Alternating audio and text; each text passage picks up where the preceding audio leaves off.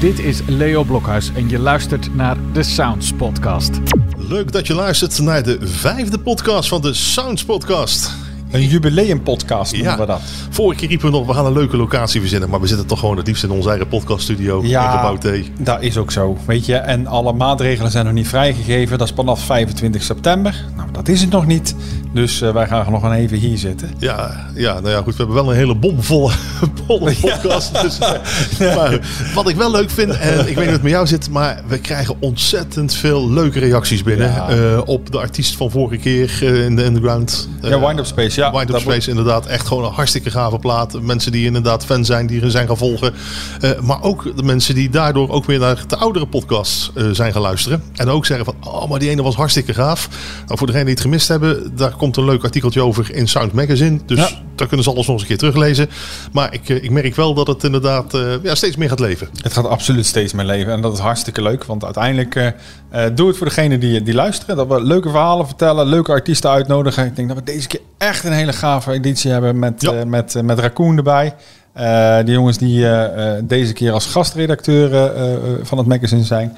Ja, jij gaat me verrassen. Ik ben Ja. benieuwd. Ja, we, we gaan naar Vlaanderen. Oeh, leuk. Ja, en ik denk, joh, weet je, Sounds Magazine is niet alleen in Nederland, maar eigenlijk ook in, in, in België te, ja, te, in de winkels. Dus ik denk, het wordt wel eens tijd dat we wat aandacht gaan besteden aan, aan Belgische muziek. Ik heb een band die bijna tien jaar bestaat. De zanger en tekstschrijver van die band is te gast. En eh, dat is een vat vol verhalen. En die verhalen vertellen over de liefde voor de muziek en waar de nummers vandaan komen. En ik denk dat dat wel heel leuk is om dat eh, wat verder uit te leggen. De Sounds Podcast. En zo zijn we nu echt officieel echt vertrokken voor de vijfde podcast. Eh, we zeiden vorige keer, dan gaan we een beetje op een leuke speciale locatie doen. Maar we zitten hier toch prima? We zitten hier perfect. Ik bedoel, eh, het is wel een beetje warm. Het is hier altijd warm. Ik weet niet wat Ja, dat is. ja, maar ja, maar- er zijn wat- verhitte discussies. Misschien is dat. Is dat? Ja, ja, ja, ja, ja. ja of, of gewoon hete onderwerpen, dat kan ook natuurlijk. Eh, we zijn later als normaal met de podcast. Normaal doen we dat al een beetje aan het begin van de maand. Maar dat heeft vandaag eigenlijk deze voor deze vijfde podcast wel een beetje een reden. hè? Ja, klopt. Ja. Want eh, eh, 24 september komt ehm, eh, de vierde editie van Sounds uit. Een hele speciale editie. Hè. Vandaar omdat eh Raccoon hier ook in, in de studio is. Daar gaan we dadelijk verder over praten. Eh, maar we hebben weer een hele mooie eh, editie eh, deze keer. En ja, omdat die wat vroeger valt en we eigenlijk om de podcast, als er een magazine uitkomt, graag over het magazine praten. Wat zit er even in? Hebben we Jean-Paul uitgenodigd? Jean-Paul, welkom. Ja, goeie Ja, avond. goedenavond. Yes. Ja, we zijn deze keer wat, wat vroeger met de podcast, omdat ja, hij komt nu eh, 24 september uit.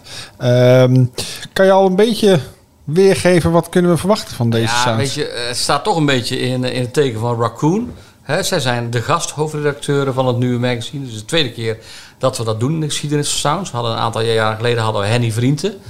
Dat was erg succesvol. En eh, ja, we hadden zoiets, een nieuwe plaat van Raccoon. Een eerste Nederlandstalige plaat. En ze wonen hier vlakbij. Zeer succesvol. En het zijn leuke kerels. En eh, ja, we hadden zoiets van, dit moeten we doen. Dus Leo Blokhuis en ik zijn in eh, juni afgereisd naar Webeldingen naar het huis van, eh, van Bart van der Weijden, de zanger.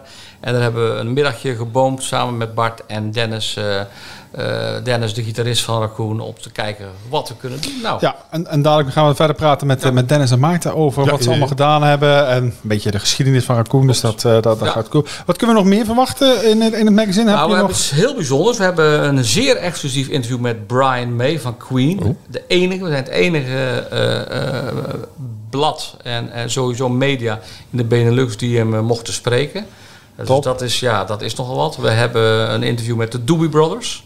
Leuk. Dus ja, dat was erg leuk om te doen. We zijn met Benny Jolink langs geweest in Hummelo. Hè, in de boerderij, in de boerderie Gaaf, zijn we geweest. Ik vind het zo leuk dat ze weer muziek maken. Ja, het is een super kerel. Ik heb het zelf gedaan. Hij is dik in de 70 en ja, ik ben er een hele middag geweest en ik heb me rot gelachen. Wat een kerel. Wat een heerlijke vent. Dat geloof ik graag. Ja. Ja, en nog eens een goede plaat. hè. Ik, Echt, echt. echt een ouderwetse normaal plaat is het. Dus dat vind ik helemaal bijzonder. Ik Vond, ik, het- hij draait al op Sounds Radio, Erik. Ja, oh, tof. Ja, ja, ja. Oh, echt. Ik, ik hoorde hem en ik denk, ja, die moet er gelijk bij. Ja, ja, Dat, ja, eh, dat klopt. ja, ja.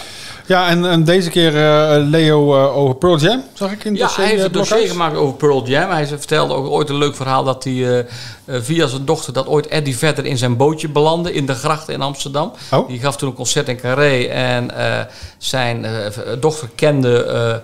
eh, de zanger die in het voorprogramma stond. En zei, nou gaan we een keer op met een bootje varen morgen. En die, die, die vriend, dus die, die voorprogramma jongen, die belde de dochter van Leo op. Maar ja, mag ik iemand meenemen dat bootje? en dat was Eddie Vedder. Een heel grappig verhaal. Echt, uh, nou ja. Ik heb de foto's gezien, dus het is echt waar. Het is echt waar, ja. Het is echt waar. Ja. Dus uh, dat hebben we. Ja, we hebben een interview met uh, Black Sabbath, met Tony Wyoming hebben we gedaan. We hebben uh, Jimmy Vaughan, de beroemde de, de, de broer van Steve Ray Vaughan, hebben we. we hebben eigenlijk heel veel gro grote namen weer. Ja, en buiten de grote namen. Wat, sorry? Ik zei de Beach Boys, zag ik ook nog. Uh, Beach Boys, ja, we hebben de producer van de Beach Boys uitgebreid gesproken. En buiten de grote namen, deze keer ook de Underground ja, in het magazine? Ja, ja zeker. Ja, ja, ja, dat vind ik leuk. Ja. Inderdaad, de eerste drie gasten uit de podcast ja. uh, in de underground, die, uh, ja, die staan met een mooi verhaaltje en foto in nou, de En in terecht, hè? ik bedoel, uh, het is niet alleen maar de, de grote namen met contracten, maar ook de signaleringsfunctie hè, die we jullie natuurlijk doen met deze podcast en met de underground. En het is mooi dat we dat kunnen vertalen naar het magazine toe. En ik denk dat dat moet ook structureel gaan doen. Absoluut. Ja. Dus, nou, dat is vooral weer veel te verwachten. We zullen de plekken vrijgemaken voor de heren van Raccoon. Ja, we hebben grote plannen hè, de komende maanden, maar daar komen we stel nog wel op terug. De Sounds Podcast. Gasten in de studio voor de podcast zijn natuurlijk altijd erg gezellig en erg leuk. Maar deze keer wel een hele bijzondere, Erik. Deze keer hebben we zeker een bijzondere, ja. En uh, wat dat betreft ook heel erg blij dat ze, dat ze aanschuiven. Uh, want het zijn de gastredacteuren, een aantal gastredacteuren in deze, uh, die in de studio zijn. En dat zijn Dennis en Maarten van Raccoon. Goeie avond. Goedenavond. Hallo. Hallo. Ja, super blij dat, uh, dat jullie er zijn. Uh, vandaag gaan we het een beetje hebben over wat jullie in het magazine hebben gedaan, wat er in het magazine staat, maar ook waar jullie mee bezig zijn. Een nieuw album wat er aankomt, uh, al een nieuwe single die gereleased is, en wat meerdere. En wat, wat daar eigenlijk voor jullie allemaal ja, qua gevoel bij komt kijken. Want muziek maken zoals ik het altijd ervaar, is uh, puur uh, vanuit muziek. Dus uh, wat dat betreft... Ja, dat is wel mooi. Ik denk, hoe gaan we ze introduceren? Want ja, goed, jullie hebben al zoveel gedaan. Ik denk, dat ik hem allemaal op gaan noemen. ik heb even iets gemaakt. Ik denk, dat doe ik een minuutje. Dan hebben we gelijk een mooie samenvatting. Maar jullie hadden zoveel gedaan. Het is iets van drie minuten geworden. Maar dat geeft wel gelijk goed weer wat, wat jullie tot nu toe, tot het nieuwe album eigenlijk allemaal voor elkaar gebokst, gebokst hebben. De Sounds Podcast. Raccoon is een Nederlandse band die actief is sinds 1997. Ze werden bekend als een melodieuze rockgroep, maar legden zich in de loop der jaren vaker toe op singer-songwriter-achtig repertoire. Met een prominente rol voor de akoestische gitaar. Hun eerste hit was in 2005 en heette Love You More. Cause I've been away too long And every day I missed you more Voor Raccoon zaten zanger Bart van der Weijden en gitarist Dennis Huigen in een hardrockgroep. In 1996 besloten ze om te stoppen met die band. Dennis ging gitaar spelen en Bart schreef teksten op de muziek. En vanaf dat moment noemden ze zich Raccoon. In 2011 kwam de single No Mercy uit. De single werd een grote hit in de zomer van dat jaar. In de maanden juni en juli kreeg het nummer de meeste airplay op de Nederlandse radio. Ook kregen ze in dit jaar een Edison Muziekprijs voor het album Liverpool Rain. In 2012 ontving Raccoon de Gouden Harp. No mercy. Datzelfde jaar schreef Raccoon voor de film Alles is Familie hun eerste Nederlandstalige nummer, Oceaan. In 2013 ontvingen ze hiervoor een Rembrandt Award in de categorie Beste Filmhitsong. En in 2013 werd de band tijdens het festival Noorderslag uitgeroepen tot winnaar van de Popprijs 2012. Een oceaan om in te vluchten, nooit jaloers te over zijn. Liefde hart te luchten, een oceaan. Hoe lekker zou het zijn? In 2020 kwam er een volledig Nederlandstalig album met onder andere de hits De Echte Vent en Hey Yo Jip. En ook dit jaar hebben ze een prijs gewonnen. Die werd uitgereikt in januari van dit jaar. Toen ontvingen ze de prijs voor de grootste hit van 2020 bij de Top 40 Awards van Q-Music met het nummer Het is al laat toch. Wat een idee, wat een plan over domme man. Waarom ben ik zo nerveus? Ga naar binnen, ga toch zitten en wat drinken dan. Misschien vindt ze je wel leuk en jij haart dus elkaar en je kan een beetje lachen daar. Er is altijd een keuze, ze kijkt je aan, de sfeer wordt plots zo serieus. Het is al laat toch, het is al laat toch, wat doen we hier nog?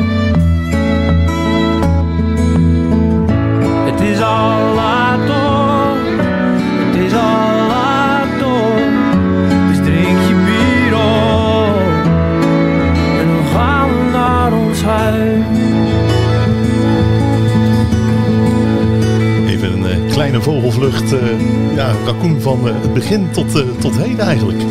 Ja, voel je je met je oud wel hoor. Ja, toch wel? Toch wel, ja. ja. Wat mij opvalt, en ik, ik zat, toen ik hiermee bezig was, las ik in één keer, vanaf 1996. Ja, klopt ja. Nou, november 1997 was de allereerste keer dat we met z'n vieren, het was Stefan nog de, toen de bassist, in de oefenruimte zaten. En dat was het begin dat we met z'n vieren als raccoon zeg maar eh, samen muziek maakten. Ja, maar da- daarvoor in de hardrock. Ja, dat was weer een ander bandje, samen met Bart. Eh, Victim heette dat. En dat was nou hard rock, dat was echt, echt herrie, zeg maar. Hey. Ja, ja, ja, ja. Het was ja, eh, Tool, Deftones, dat soort, maar dan met schreeuwzang en eh, van dik hout was dat. Ja, dat, dat kun je je nu ook niet meer voorstellen als je dit eh Ik wou zeggen, dat kun je helemaal niet meer voorstellen. Maar vond je toen wel dat je leuke muziek maakte, of niet? Ja, heel erg. Ik mag er ook nog graag naar luisteren. Ja? ja, ja. Is, Ik, zijn er geen- nog opnamen? Nee, nee, die zijn er absoluut niet meer. Die opnames, nee. Nergens meer te vinden. Ja, dat, eh, die heb ik zelf ook wel. Van die opnames die je nooit meer wil horen. Dus wat dat betreft. Nee, maar Ja. ik kan me er iets bij voorstellen. Nee, inderdaad. Dus ik vond, ik vond het wel grappig. Ik denk, ja, zoals we hebben het er vaak over, Erik en ik, over bandjes zeker die beginnen. eh, op een gegeven moment dat je ja, eigenlijk uren moet maken, uren moet maken, op podium moet staan. En dat het jaren duurt voordat je eindelijk eens een keer inderdaad, eh, ja, je, of, of je, je je genre gevonden hebt. Of dat je in ieder geval weet van, hé, hey, dit, eh, dit werkt en, en nu kunnen we verder. Ja, zeker weten. Het was bij ons de eerste keer oefenen was ook. Het was echt verschrikkelijk. Dat was duidelijk meteen van, oh ja, we komen wel uit eh, vier verschillende hoeken. Nou, dat viel mee. Bart en ik wel redelijk dezelfde hoek. Maar Paul die kwam weer uit een andere, meer uit de hard rock, zeg maar. En Stefan was een ras echte punker. Dus dat duurde wel even voordat we elkaar eh, hadden gevonden, ja. Ja, want als je dan in zo'n repetitieruimte zit, hoe, als je dan met vier verschillende genres bent, moest je dan echt wel eerst een melodie of een liedje hebben voordat je samen... Of ging je wel jammen? Of dat ging juist niet? Nou ja, dat, we begonnen meestal met, want Bart en ik waren al, eh, die hadden al, zeg maar, als duo hadden we al liedjes geschreven. Dus dat Ja. was zeg maar de basis waarop we verder gingen. Maar in het begin gingen we dan echt in de oefenruimte eh, eindeloos zitten mieren en dingen proberen. Nee, het moet toch zo. Nee, ik heb een ander idee. Nee, misschien moeten we dan dit eerst of dit anders. En dan waren we drie maanden bezig met één nummer.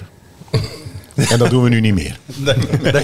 Nee, eh, het mooie is, de aanleiding dat jullie hier zijn, is het eh, ja, gastredacteurschap wat jullie hebben in het eh, Sounds Magazine. Eh, het verhaal wat je nu vertelt, ja, ik, heb het, ik heb het al gelezen in het magazine. Ja, het is gewoon, het is echt kenbaar, maar het is ook gewoon, ja, ik moest Ja. eigenlijk wel om lachen. ik denk, dan, dan, dan kom je uit Zeeland, dan ga je naar Utrecht en uiteindelijk kom je weer terug. Ja, ja, ja, zoals veel Zeeuwen. Ja, ja. ja, en dan, en dan gaat het, het spel helemaal beginnen. En ja, voor jou Maarten, is, is ook nog een mooi verhaal apart. Eh, ja, ja. Ik weet niet precies wat je bedoelt, maar... ehm, nou ja, goed, voor mij is het sowieso natuurlijk een nieuw, eh, of een nieuwe hoofdstuk. Ja, maar goed, je, je hebt natuurlijk al een mooi verleden met, eh, met andere bands. Ja, op ja, ja ook, ook de, weet je wel, in een, in een oefenruimte staan met een beginnend bandje en lopen klooien en, en mieren over dit en dat en toch zus en toch zo. Maar het is wel herkenbaar wat, wat Dennis vertelt. Jazeker, maar ik denk dat iedereen die, die, die in een bandje speelt of heeft gespeeld, dat wel kent. Dat is een soort universeel ding, ding, denk ik, bij bandjes. En had je dan ook, als toen je in een bandje zat, van dat je beroemd wilde worden? Nee, niet per se beroemd. Nee, maar gewoon dat, dat als, eh, als, als levensinvulling en daar Ja, eh, ja, ja, ja. voor kunnen leven of zo, dat vond ik wel. eh, dat leek me wel wat, ja. Maar niet zozeer beroemd. Dat is een soort, dat vind ik een andere. Ja. Ja, ik, ik, ik, meerdere muzikanten, althans de amateurmuzikanten, als je heel, wat je jonger bent, dan heb je dat op een of andere een, een, een, een gedachte van, nou, dat lijkt me wel iets, weet je, daar hoor je heel veel over. Het, het rock'n'roll. eh. Het rock'n'roll gebeuren, ja. Maar ik kan me ook wel voorstellen dat, dat je ervan wilt leven eigenlijk al een doel op zich is. Nou ja, gewoon platen maken en spelen. En eh, eh, als dat dan je, je, ja, je leven is of zo, dat was wel altijd een droom, ja. Ja. Niet zozeer, eh, weet ik veel, spotlight of eh, Ja. echt Drugs en of, vrouwen. eh, nee, nee. Nou, La- laat naar bed vroeg op. En, eh, ja, dan is het- ja, we, we missen natuurlijk iemand eh, vanavond hier zo eh, met de opname van de podcast. Eh, Bart is er niet bij. Ik denk dat hij in het voorwoord van het magazine heel mooi omschreven heeft waarom dat hij daar inderdaad gewoon vanavond niet bij is. Dus, eh, maar goed, verder ook niks verkeerd. Eh, ja, eh, dan moeten jullie eigenlijk het werk opknappen zover eh, vandaag. Nou, daar is niks mis mee. Want over het algemeen, qua interviews, eh, eh, komt de grootste lood toch op hem eh, terecht. Dus het is prima dat wij dat een keertje van hem overnemen. Ja, want eh, goed, de reden dat jullie hier dus zitten is dat eh, binnenkort verschijnt de nieuwe Sounds Magazine. En ja, jullie hebben daar eigenlijk een hele grote rol in gehad. Eh, ja. ja, we hebben echt een hele grote rol in gehad. Je, je mag mede bepalen wat erin komt te staan. Dus, nou, dat wel. Het was wel. nee, Jean-Paul Hek, die, die heeft ons benaderd. Of wij dat eh, zagen zitten. En eh, dat bleek eh, uiteindelijk hartstikke leuk. We hebben samen met hem en met Leo Blokhuis een middagje zitten bomen bij Bart in de tuin. En waarin heeft uitgelegd van wat dan precies van ons werd verwacht. En dat was eigenlijk, ja, ik kreeg een soort vrijbrief. Het mag van alles. Dus we hebben, we- zij hebben op ons geschoten, wij hebben op hen geschoten. En uiteindelijk zijn er een paar ideeën blijven hangen. En die staan nu in, in het blad. Dat is eigenlijk hartstikke leuk. Ja, jullie dachten niet, we gaan het helemaal anders doen. Nee, ik bedoel, ja, ieder zijn stijl, hè. Eh, ik bedoel, eh, Jean-Paul die doet dit al jaren. En, eh, dus dan, dat, laten we graag aan hem over. We, we kregen ook de vraag of wij echt als journalist een interview met iemand anders wilden gaan doen. Maar ja, nee, dat, dat, dat ging, was voor ons weer een brug te ver. Dat, eh, dat moet Jean-Paul doen en laat ons maar muziek maken. Ja, wat ik een beetje... Alleen dat doet hij ook inmiddels al, hè? Ja, ja, ja, ja, ja, Ongelooflijk. Het- Nog even, en ik ga ook muziek maken, denk ik. Ja, al heel lang zelfs, ja. Ja. Even, want ja goed, jullie zijn alle vier al verschillend binnen de band. En dan mag je ook nog met z'n vieren gaan bepalen wat er mede in gaat komen. Eh, heb je dan ook allemaal alle vier iets anders gekozen, een andere invalshoek? Of komt het dan toch eigenlijk altijd weer wel een klein beetje op hetzelfde neer, eh, Maarten? Ja, toch wel een beetje, denk ik. Ja? Ja, nou ja, goed. Het, eh, het zijn eh, volgens mij mooie portretten over eh, Bart, Dennis en, en mijzelf. En ehm, eh, het stuk over eh, de, de, de Goese eh rock'n'roll geschiedenis, dat vind ik wel een hele mooie... Ja, dat is een leuk artikel, inderdaad. Ja, Ja, absoluut. ja, ja, de, de, de, de Ja, zeemuziek. nee, tof. Ja. Ja. Ja, ehm, ik zag nog een aantal bandjes voorbij komen. En dan dacht ik inderdaad van, oh ja, die komen natuurlijk ook eh, uit, eh, uit die hoek. En, eh, de, de, ja, ik vond het Rollfest deel ook wel, wel mooi. Ja. ja, er zaten ook dingen in die ik, die ik ook ik nog niet wist. Zeg maar. Oh, wauw. Nee, ik ben nooit verder gekomen dan Surrender volgens mij. Dus inderdaad, eh, dus, het- en dan, lees ik denk, oh ja, tuurlijk. Ja, oh, die ook en die ook. Dus eh, nee, dus, dat is inderdaad een mooi artikel eh, geworden. Ja. Want er komt uiteindelijk best wel veel vanuit Zeeland. Als je nagaat wat er in de Nederlandse muziek gebracht wordt. Ja, stiekem wel door de jaren heen. Ja, ja, eh, Bluff, eh Danny Vera natuurlijk nu. Heel vroeger had je eh, Dragonfly, dat was een van de eerste. Dat was een behoorlijk bekende band in die tijd. En want eigenlijk dat soort muziek komt uit een soort van muziekscene. Van grote steden hebben van die eh, clubs of eh, waar bandjes kunnen optreden. Maar eigenlijk als je dan kijkt naar Zenit, zeg maar, ja, je had dan eh, het beesten in Goes, waar jullie dan heel veel waren. Maar in die steden, ja, hoe, hoe, hoe zien jullie dat? Hoe heeft zich dat een beetje ontwikkeld, eh, eh, denk je, in, in Zeeland? Nou, ik denk dat je, omdat je niet in de grote stad zit, dat je toch eh, wat eigenwijzer bent. Zeg maar. En niet zo wordt beïnvloed door andere mensen. En meer op je eigen, nou ja, in, in ons geval bijna letterlijk eiland zit. Ja. En dat het daardoor veel meer eigen is. Bedoel, wij hebben ook niet onze oren laten hangen naar de waan van de dag door de jaren heen. En ik denk eigenlijk nog steeds dat dat een van de redenen is waarom we er ook nog steeds zijn. Zeg maar. Dat denk ik absoluut, ja. ja, Ja, je zit een beetje bij. Queen of the. Stone Age, hè. Woestijnrock. Die gasten hebben nooit invloeden van buitenaf gehad. Doen alleen maar hun eigen Nee. ding. Ja.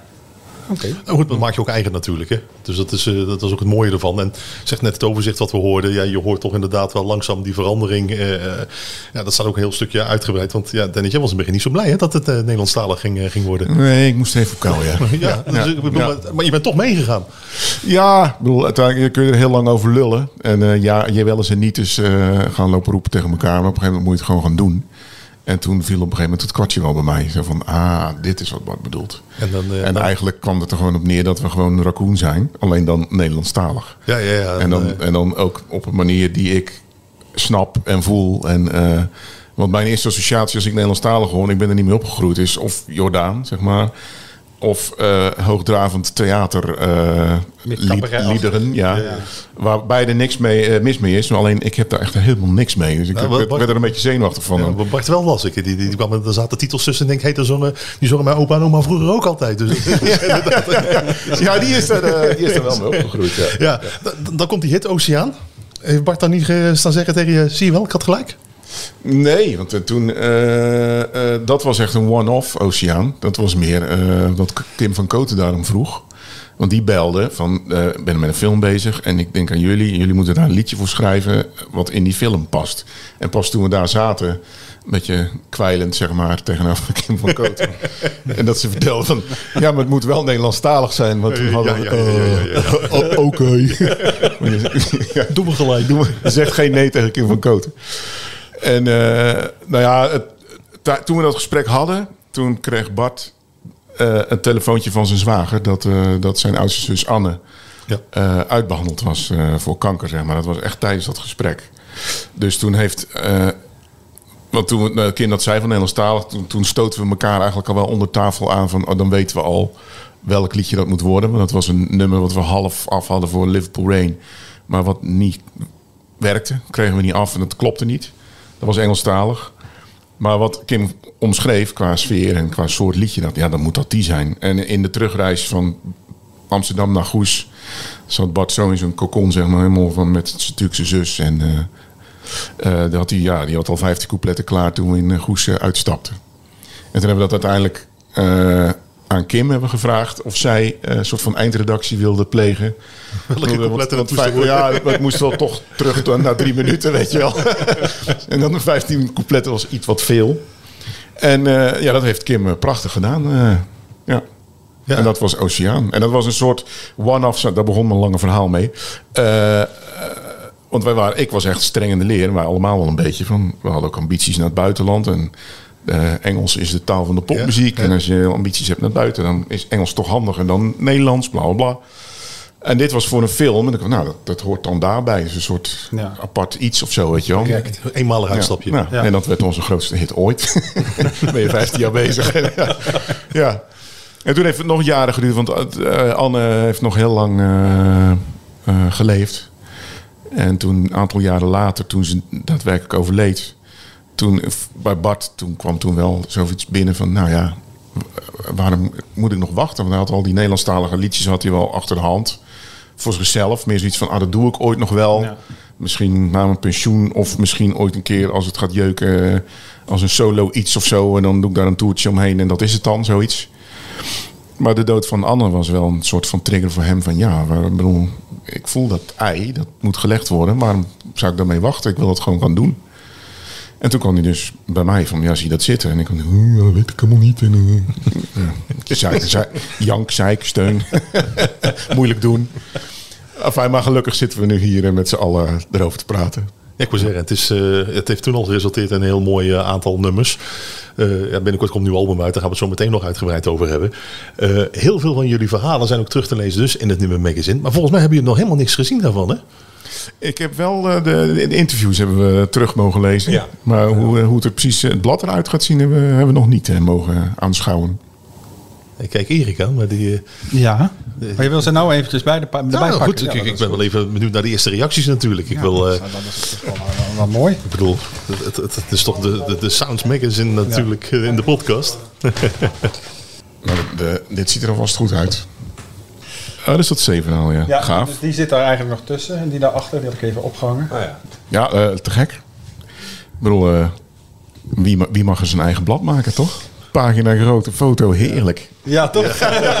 Altijd iets om eruit te Ja. kijken. Wie gaat aan de muur thuis? Oh nee. Twee stralende gezichten in ieder geval. Ja, ja, ja, ja, ja, absoluut. Eh Maarten, wanneer ben jij een beetje in beeld gekomen bij uh, Raccoon? Eh, dat was ergens in 2017, meen ik. Yep. Ja, toch? Ja. En eh, ik kreeg op een gegeven moment een, eh, een app van Bart. Bart is mijn zwager. Dus Ja, eh, En ehm, ik stond bij een concertje van de Lemon Twigs. Ergens in Amsterdam, een vriend van mij.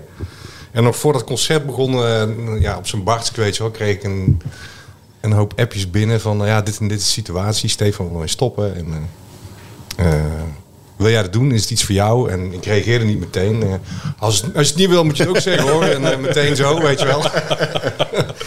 Dus ik eh, dacht van, oh ja, jemig, dat is wel, dat is geen klein bericht, weet je wel. Dat is niet, niet even iets wat je, wat je zomaar even erbij doet of zo. Dus ik moest daar wel echt even over nadenken. En ook even thuis in de week leggen. En, ehm, maar dat was toch wel vrij snel een soort van bekeken. Nou ja, dat is wel... Ik denk dat ik hier wel mijn ei in kwijt kan en, eh, en iets moois tegemoet ga of zo. Ja, ik wil zeggen, want het is natuurlijk, je kent de verhalen van, ja, van, Bart. Je hoort hoe dat, dat bandje gaat.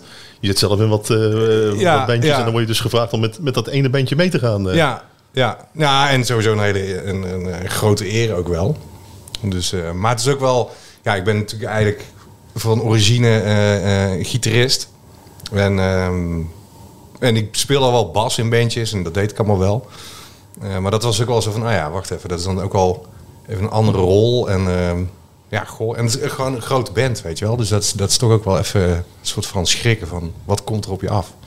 Ja, en kun je je Nee. plek daarin vinden. Want kun je je toegevoegde waarde wel brengen natuurlijk muzikaal. Want ja, dat is natuurlijk altijd wel zoeken als je Ja, staat. ja dat, dat sowieso. En eh, nou ja, waar kom je in terecht of zo? Dat, dat kon ik natuurlijk... Ik bedoel, ik ken die band wel. En ik ken Ja, de gast allemaal wel. En, eh, maar het is wel, wel een soort van... ehm, ja, je stapt in één keer in een, eh, in een, eh, een vrij serieuze trein die aan het denderen is. Of zo, Ja, ja. Die vrouw zei niet, maar met, eh, met, met Bart en zijn maten dat... eh, Nee, in tegendeel. Nee, nee, ik had dus meteen van, eh ja, dat moet je doen, man.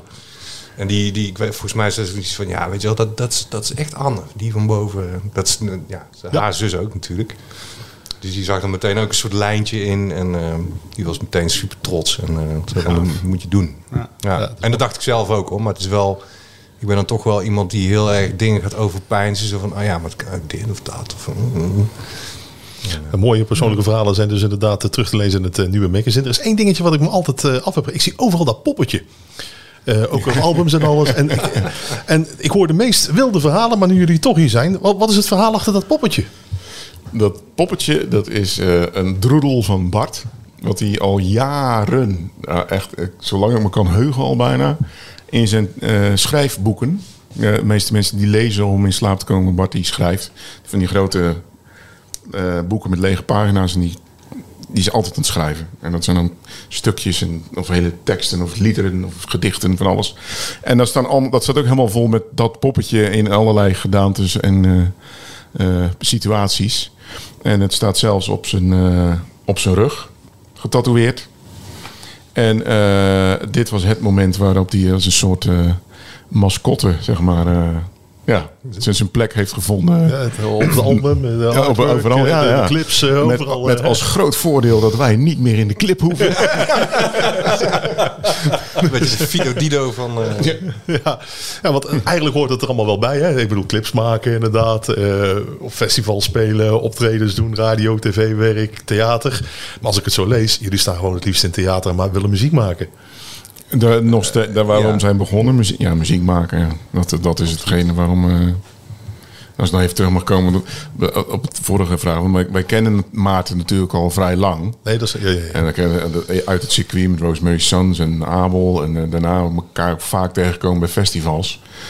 En toen wij daarvoor stonden, eh, van dat Stefan ermee ging stoppen, was het even zo van ja, Jezus, moet je dan helemaal een nieuw iemand? Ik bedoel, goede muzikanten zijn er genoeg te vinden, Ja. maar eigenlijk bijna nog belangrijker is wat voor figuur is dat, weet je wel? Past hij binnen de, eh, trekt hij de scheten in de bus, heeft hij een beetje dezelfde humor, heeft hij dat? Eigenlijk is dat net zo nog misschien wel belangrijker dan hoe goed hij kan spelen.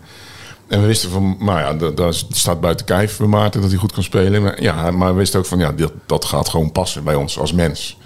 Ja, Ben je ook een beetje competitief met de scheet in de bus? Eh, ja, dat, eh, op een goede dag. eh, zeker wel.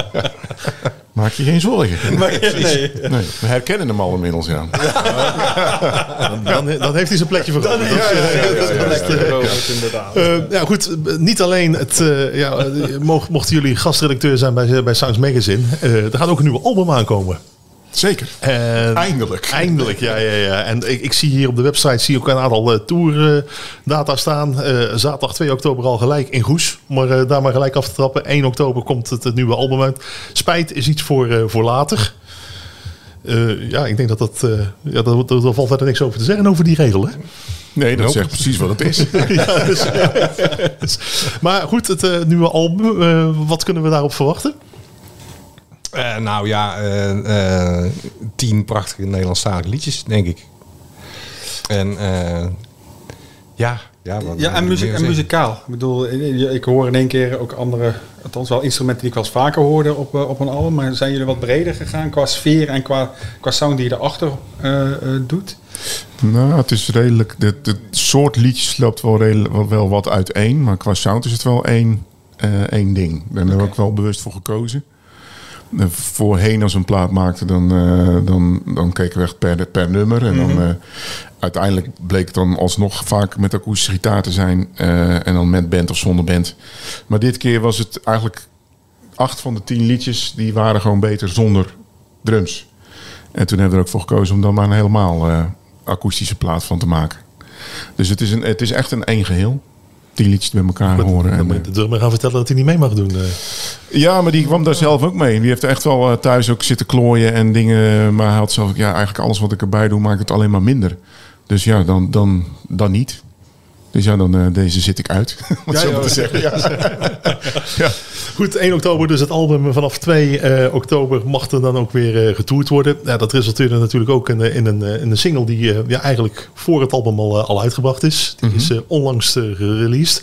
Ja, jullie zijn er al wat langer mee bezig, maar ik ben altijd toch wel nieuwsgierig. Wat zijn dan de eerste reacties en hoe is die spanning bij jullie om dan weer, weer met een nieuwe, ja, eigenlijk een nieuw album en een nieuwe single te komen? ja, dat is altijd spannend. Ja. Ja. Ja, ik ben eh, vooral de, de, de eh, single, vind ik, vind ik nog. Dat is, ja, ik kan het niet zo goed uitleggen misschien, maar eh, omdat het één liedje is, is dat een soort van: oké, weet je wel, dat, dat is gewoon een liedje en dat is uit en dat gaat op een gegeven moment zijn eigen leven leiden. Maar een plaat vind ik altijd een soort. Ja, dat is toch iets meer een monument of zo, weet je wel. Dan komt alles bij elkaar. Ja, dus dat vind ik altijd wel spannend. Dus van oké, dan, dan ligt dat ding er ineens. Dan is het zo out in the open. En ik ben wel echt benieuwd naar, eh, naar reacties. Maar tot nu toe zijn de reacties in ieder geval op de single wel heel, eh, heel positief. Ja, ik wil zeggen, want het is, ja, het, ja, het is echt op zo'n Barts, volgens mij. Ik heb, ik, nogmaals, ik heb, ik heb het, ja, de stukken meestal in het magazine heb ik al gelezen. Ik heb ze voorwoord gelezen en daarna heb ik de single geluisterd. En ik denk, ja, het is Bart. Ja. Ja, ja, ja, dat is absoluut. Ja. Is. Even voor degenen die denken, waar gaat het dan over? Uiteraard hebben we die nieuwe single ook eh, eventjes bij elkaar, bij elkaar eh, gezocht. In ieder geval erbij gezocht. Eh, geef je hart niet zomaar weg. Eh, als je ernaar luistert, weet je precies waar het om gaat. Maar als jullie hem uit mogen leggen waar het over gaat, wat zouden jullie dan zeggen? Nou ja, wat Bart zelf ook altijd zegt, je moet er niet te veel over lullen en achterzoeken. Het is, het is precies wat het zegt. Ja. Dus het, eh, luister naar het lied en dat, dat is het. Er zitten geen ingewikkelde, diepere lagen achter. Het is wat het is. Ja. Dan eh, gaan we er vlug naar luisteren.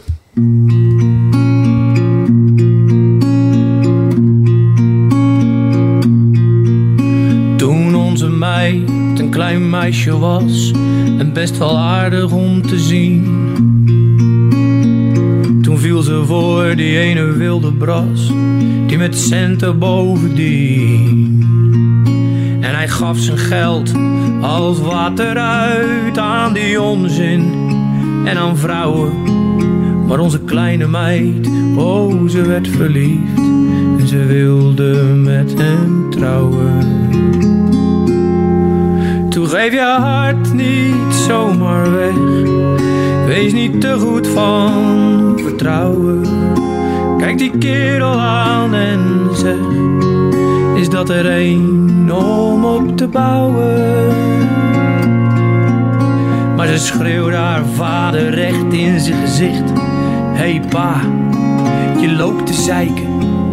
Als jij zo ontzettend veel van ons mama houdt, laat je dat verdomd slecht blijken. Ze kijkt al jarenlang zo sip, haar hele smoelwerk staat op janken. En dan vertel je mij zo doodleuk als je kan, voor haar de liefde te bedanken. Toen geef je hart niet zomaar weg. Wees niet te goed van vertrouwen. Die kerel aan en zegt: Is dat er een om op te bouwen? Ik kan niks anders zeggen. Dus eh mooie single worden, heren. Dankjewel. Dankjewel. Dat, eh, ik moet zeggen, ik heb zelf ook een dochter. Ja, jij ook, Erik. Dus Ja, ja, de, ja, de meerdere zelfs. zelfs. Dus, dat, eh, ik- snap gelijk waar het over gaat. eh. ik denk dat we dezelfde Ja, zorg kan, hebben. ik kan er drie keer gaan voor gaan zingen. Dat ze moeten opletten eh, dat er niet te veel mannen rondlopen. Als dit een, eh, voorbode is voor het rest van het album, dan eh, komt dat wel goed, denk ik. Ik kan, nog, ik kan nog wel een andere vraag. We hebben het nou heel veel over successen en zo. Maar ik zag in het, in het artikel ook op een gegeven moment was je eh, gedropt door het label. En toen ging je eh, als voorlichter werken. Eh, Voor de gemeente Utrecht, ja. Voor de gemeente Utrecht. Ja. Maar dat is raar, want dan ben je eerst overal op televisie en op de radio. En dan in één keer sta je als voorlichter en dan... Hoe is dat dan? Hoe gaan journalisten dan met je om? Dat is ook wel apart, of niet? Nou ja, eigenlijk zijn we die hele periode een soort van ondergedoken geweest. Dus we hebben ook weinig te maken gehad met pers op dat moment. En eh, dat was wel de keerzijde.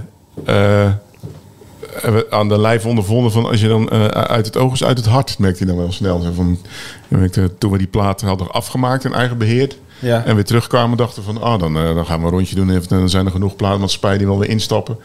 Maar de teneur was wel duidelijk van, nou, oh ja, Raccoon. Oh ja, die hebben twee leuke platen gehad. Die hebben hun eh, verhaal gedaan. Dat was het. Volgende.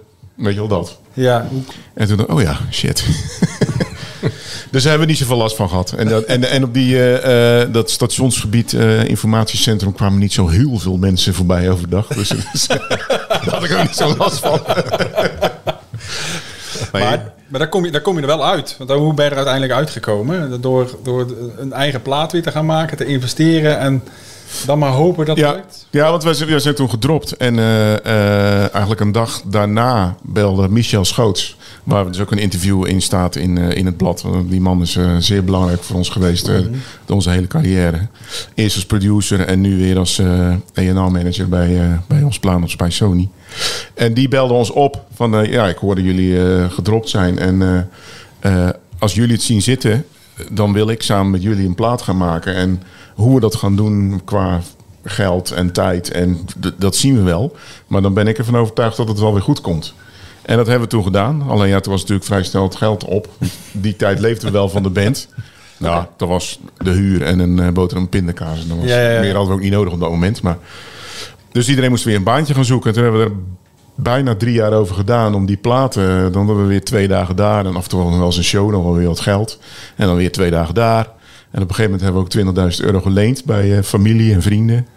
En zo hebben we die plaat gemaakt. En toen was het wel even inderdaad, wat ik net zei, deksel op de neus. Van dat alle platen spijzen van, nee, zitten wij niet op te wachten. En dat was echt alleen Play It Again Sam die, eh, die het hoorde. En die, die stapte erin. Ja, die hoorde Love You More. En die, eh, die sloegen daarop aan. En eh, nou, de rest is geschiedenis. ja, maar zeggen, ja. Nou, mooi. Mocht je alles op je gemak na willen lezen. Ja, goed. het staat allemaal uitgebreid in het Sounds Magazine. Eh, toch wel één vraagje nog. Als ze je ooit nog een keer vragen, zou je het nog een keer doen? Om eh over te redden. eh, ja, dit was... eh, het was keihard werken, maar eh, Vierkante ogen. nee, ik vond het hartstikke leuk om te doen. Echt hartstikke leuk. Ah, Top. Nou, we hebben in ieder geval eh, 23 september de, de, de coveronthulling. eh van, eh, van Die hebben ze nog niet gezien, hè? Eh, dan weet ik niet of ze hem al gezien hebben. Ja, oké. Dat, is nog even spannend. cover gezien? De, de, de- dat weet ik niet. De definitieve wel iets voorbij zien komen, maar... Waar die, waar die is, die zo. We hebben hem gewoon hier liggen. Dus Ja, ja, ja, ja, die hebben we gezien. Ja, ja, ja, ja. Ja, ja, sommige dingen zijn net wat, wat, wat toegevoegd. Maar ja, goedkeurende blikken. Dat is mooi in Ja. ieder geval. eh. dus binnenkort in de winkel het nieuwe Sounds Magazine met ja, heel veel eh raccoon en alles wat er verder bij hoort. Mooi verhalen over eh, de muzikale schat eh, van Zeeland. Want daar zit heel veel mooie muziek. En ja, binnenkort eh, het nieuwe album. Dus eh het gaat weer de goede kant op, heren. Zeker. Leuk. De Sounds Podcast. De tapes. En deze keer de tapes over Prince.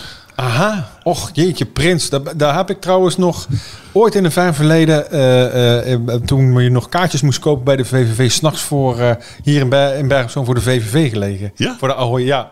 Dat is de enige keer in mijn leven dat ik het gedaan heb, maar dat is ook als ik Prins hoor of een liedje van hem hoor, moet ik daar altijd gelijk aan denken. Weet je nog welke, welke tour het was?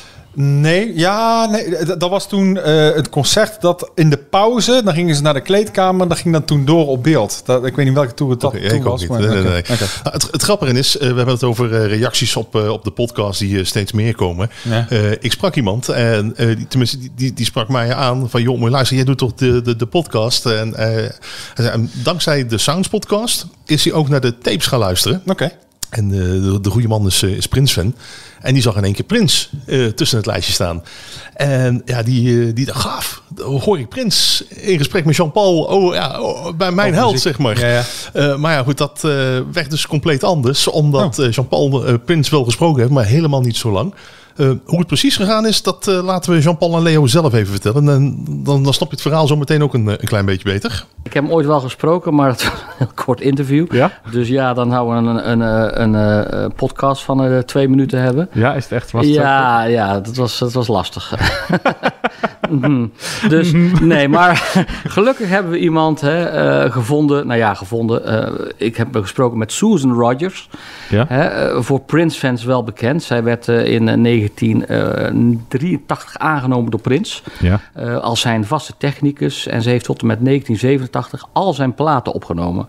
En zij was altijd bij Prins, dag en nacht. En ze was niet zijn mestre- maîtresse, ze was gewoon in dienst bij Prins. En eh, ja, ze heeft geweldige verhalen. Oké. Ja, en die geweldige verhalen hoor je dus inderdaad in de podcast. En diegene zei ook, hij zei, ja, ik denk dat ik dat nog veel gaver vond dan dat ik zelf Prins aan het woord heb gehoord. Oh, cool. Dus zo zie je maar weer dat je zo af en toe een beetje struinen door die serie van de tapes, dat dat best nog hele leuke verhaal oplevert. Ja, nou ja, uiteindelijk zijn de tapes daar ook voor bedoeld natuurlijk. Hè? Om, om, om bijzondere verhalen, bijzondere quotes, eh, unieke opnames eh, tegen, tegen te komen. Maar heel grappig dat je denkt dat het dan Prins is en eigenlijk... Ja, eh, ja, ja, ja. Leuk. En eh, de grapper is, eh, nou, over toeval, ja, misschien wel eigenlijk, maar in de nieuwe Sounds Magazine staat er ook een heel leuk artikel over Prince. Tof. De Sounds Podcast. The Underground. En zo zijn we alweer toegekomen aan The Underground. En eh, ja, een item in deze podcast waarin we een artiest voorstellen. En eigenlijk moest ik gelijk eh, aan deze artiest denken die ik vandaag heb uitgenodigd. Naar het verhaal, naar aanleiding wat jij vorige week, eh, of in ieder geval de vorige podcast vertelde, Erik. En welk verhaal was dat dan? Ja, je stapte naast het podium eh, en je hoorde die band spelen. En je Ah, dacht gelijk van... van dat Wind Up is- Space, ja. ja. Ik werd, En- ik, werd weggeblazen, ja. Ja, toen, ja, eh, ja, dat heb ik eigenlijk met, eh, met- de gast die we vandaag hebben uitgenodigd. We gaan terug naar 2014.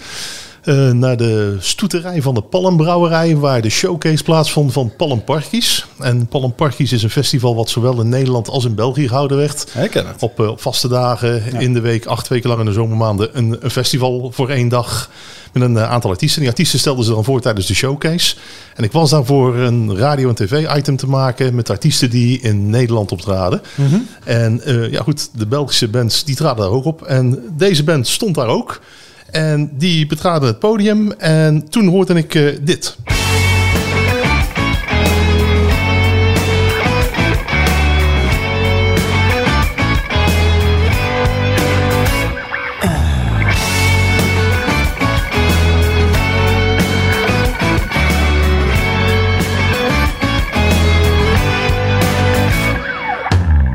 Jij met je ego, dat zat me wel eens dwars. Kan er niet meer tegen, dit was je laatste kans. Ik met de wijsheid, die heb ik niet in pacht. De gids van het leven heb ik nooit gehad. Maar kan iemand mij vertellen, want dit heeft me in zijn macht. Dit vraagstuk houdt me bezig. Wie heeft dit ooit bedacht? Is het juist, juist fout? Als je niemand echt vertrouwt, is het juist, juist fout? Of laat het je koud? Is het juist, juist fout? Of is het juist goed?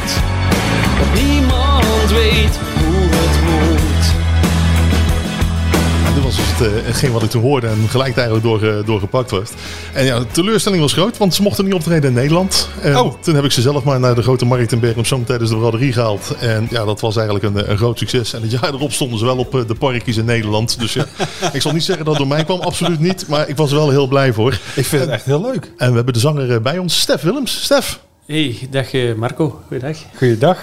Ja, ja, ja. Freemout. Eh, ja, goed. Dat, dat is de naam van de band. Eh 2014. Toen waren jullie volgens mij net begonnen, hè? Eh, We zijn 2012 begonnen, dus eh, volgend jaar is het de grote viering, 10 jaar Freemout. Oh jee, en ik, en ik heb nog net het vijfjarig jubileum in gedacht. eh, dat, ja, het, het ja, leuke feestje. dat was Dus- precies of dat het gisteren was. Hè. Maar Ja. we zijn dus ondertussen al 10 jaar bezig en eh, heel veel grijze haren verder. Zowel bij u als bij mij.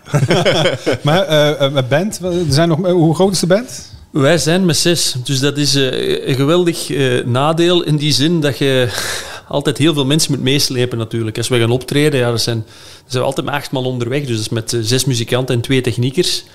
Ehm, in de regel spelen wij, speel ik nooit alleen, live on tape of zo, dat bestaat ook niet. Dus we doen wel eens akoestische sets met drie of met vier man, maar in de zomer spelen wij altijd met de volledige band. Oké.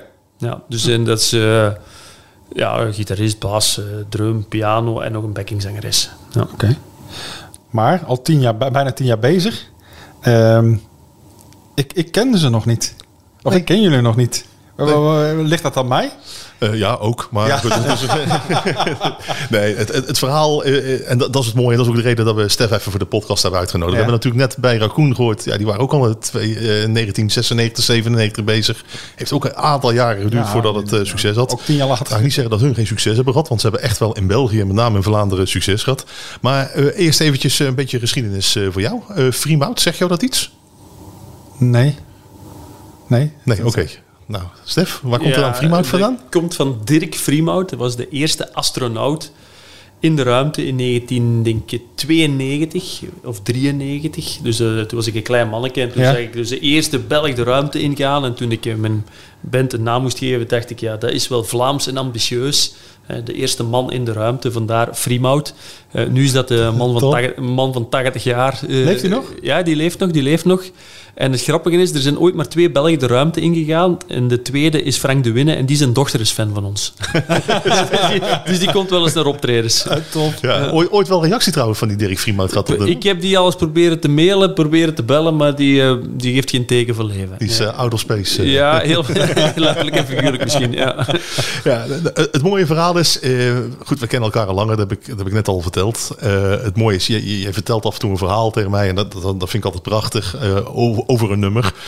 En iedere keer als er een nieuwe single van jullie uitkomt, vertel je daar een ander verhaal bij. En soms is het een recent verhaal, anders gaat het helemaal terug.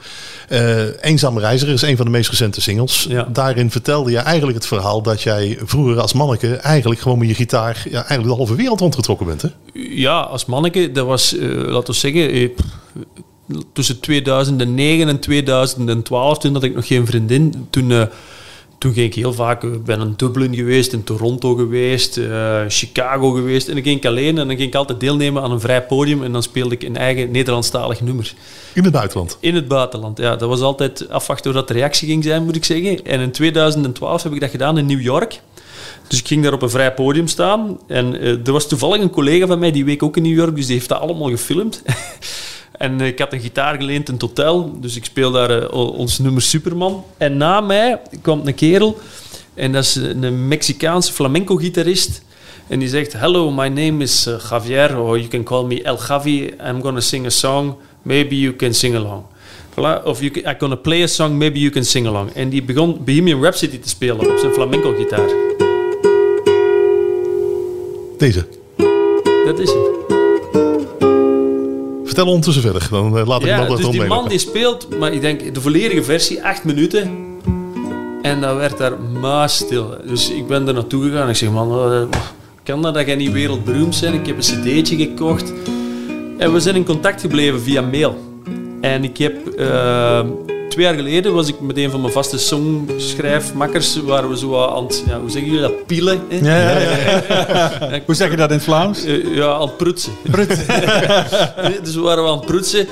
En opeens had hem zo een goed beatje. En ik zeg, als eenzame reiziger ver weg van huis. Ik zeg, oei.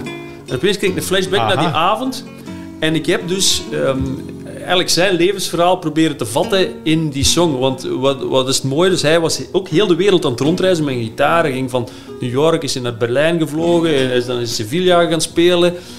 En hij woonde in Los Angeles en is dan verhuisd naar Denver, Colorado, omdat zijn eh, vrouw met zijn dochtertje van Los Angeles naar Denver verhuisd was. Dus hij heeft zijn muzikale droom om de wereld te veroveren opgegeven voor zijn dochter om in Denver daar beroepsmuzikant te worden. Hij is daar een van de vier flamenco-gitaristen in Denver. Hij zwemt in het werk en hij speelt daar, heeft vorig jaar eh, of twee jaar geleden voor Ziggy Marley voor het programma voor 20.000 man gespeeld.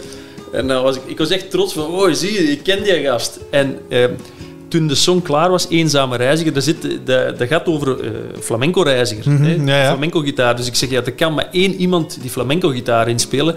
Dus heb ik hem in de lockdown eh gefacetimed. Ik zeg, Javier, je moet iets doen voor mij. Je moet een gitaar inspelen. Ja, no problem, my friend. dus hij heeft helemaal vanuit Amerika een fantastische eh, gitaarsolo op Eenzame Reiziger gespeeld. En eh, die single is nu dit voorjaar, eh, ja, misschien mede dankzij dat verhaal, ik weet het niet, heel veel gespeeld geweest bij Radio 2 in, eh in Ja, Vlaanderen. maar jij zegt het net, maar ik ken het wel. Dat liedje, dat liedje ken ik wel. Eenzame Reiziger. Eenzame Ja, dat klopt, maar die draaien we al gewoon vanaf het begin af aan op, op Sounds Radio. Ah. Dus, Ja, maar ik ken hem volgens mij, oh, dan, dan dan ken ik hem daarvan. Wat, voor- ja, maar dat vind ik een leuk liedje. ja, ja, ja, even voor degenen die denken, eenzame reiziger, hoe, eh, hoe klinkt dat dan? Nou, Ja.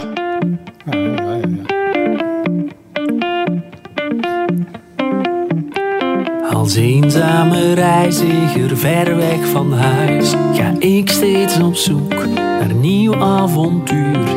Niets of niemand brengt mij van de wijs. In mijn ogen brandt liefdesvuur. De liefde voor mijn gitaar. Flamenco, mijn dochter, mijn flirt met gevaar. Pad was nooit met rozen. Ik ken het liedje, Ja, ja, want ik ken het van Sounds Radio. Dat Ja, klopt. tuurlijk, absoluut. Ja, nee, nee, want ik luister heel veel. En dat vind ik echt een heel leuk liedje. Ja. Ik weet niet wie het was. Hij? Maar, Stef? maar dus. nou vind ik het nog leuker, want nou hoor ik het verhaal eruit. Ja. Het straf was, tof. hij is eerder in Nederland op de nationale radio eh, te horen geweest dan bij ons. Dus eh, ik had ook naar eh, NPO Radio 5 Ja. eh, gestuurd.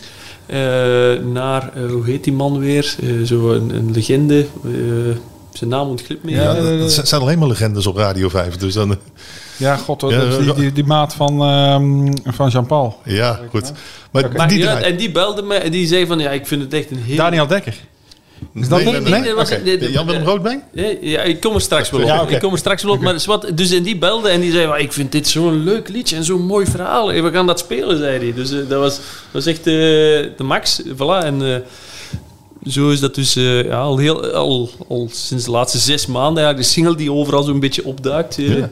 Maar het is wel een heel andere sound dan we normaal eigenlijk van, van, van jullie gewend zijn. Ja, dat klopt. Ja, eerst en vooral natuurlijk door die flamenco-gitaar. En twee ook omdat dat de eerste single was na anderhalf jaar eh, ja, corona-miserie. Ja, als je dan komt met iets wat dat ze een typische single noemen, dan zeggen ze, ja, dat, dat, dat, dat, dat wisten we van de mannen.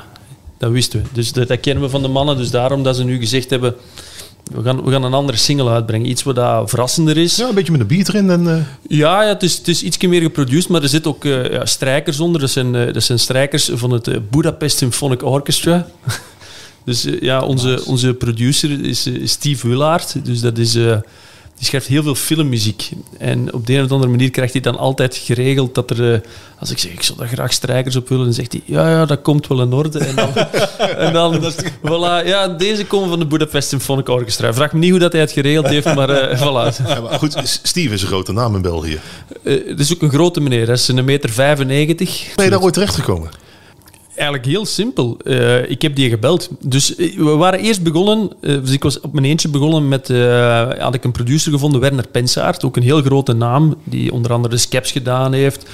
Heel grote, heel, heel veel geëngineerd voor heel veel andere bands. En daar had ik twee singles mee opgenomen met een, paar sessiemuzikanten en dat is niet op de radio geraakt. En toen zei Werner, ja, ik denk dat ik niet de juiste man voor jou ben, ook al vind ik dat we het wel goed gedaan hebben samen zo. En eh, toen was ik beginnen zoeken en toen... ehm, ja, Steve Willard is ook de producer van Wiltura, zo'n beetje ja, Ja, de- de- ja, het icoon, een beetje zoals ja, Rob de Nijs of ik weet niet, Boudewijn de Groot, van die grootorde.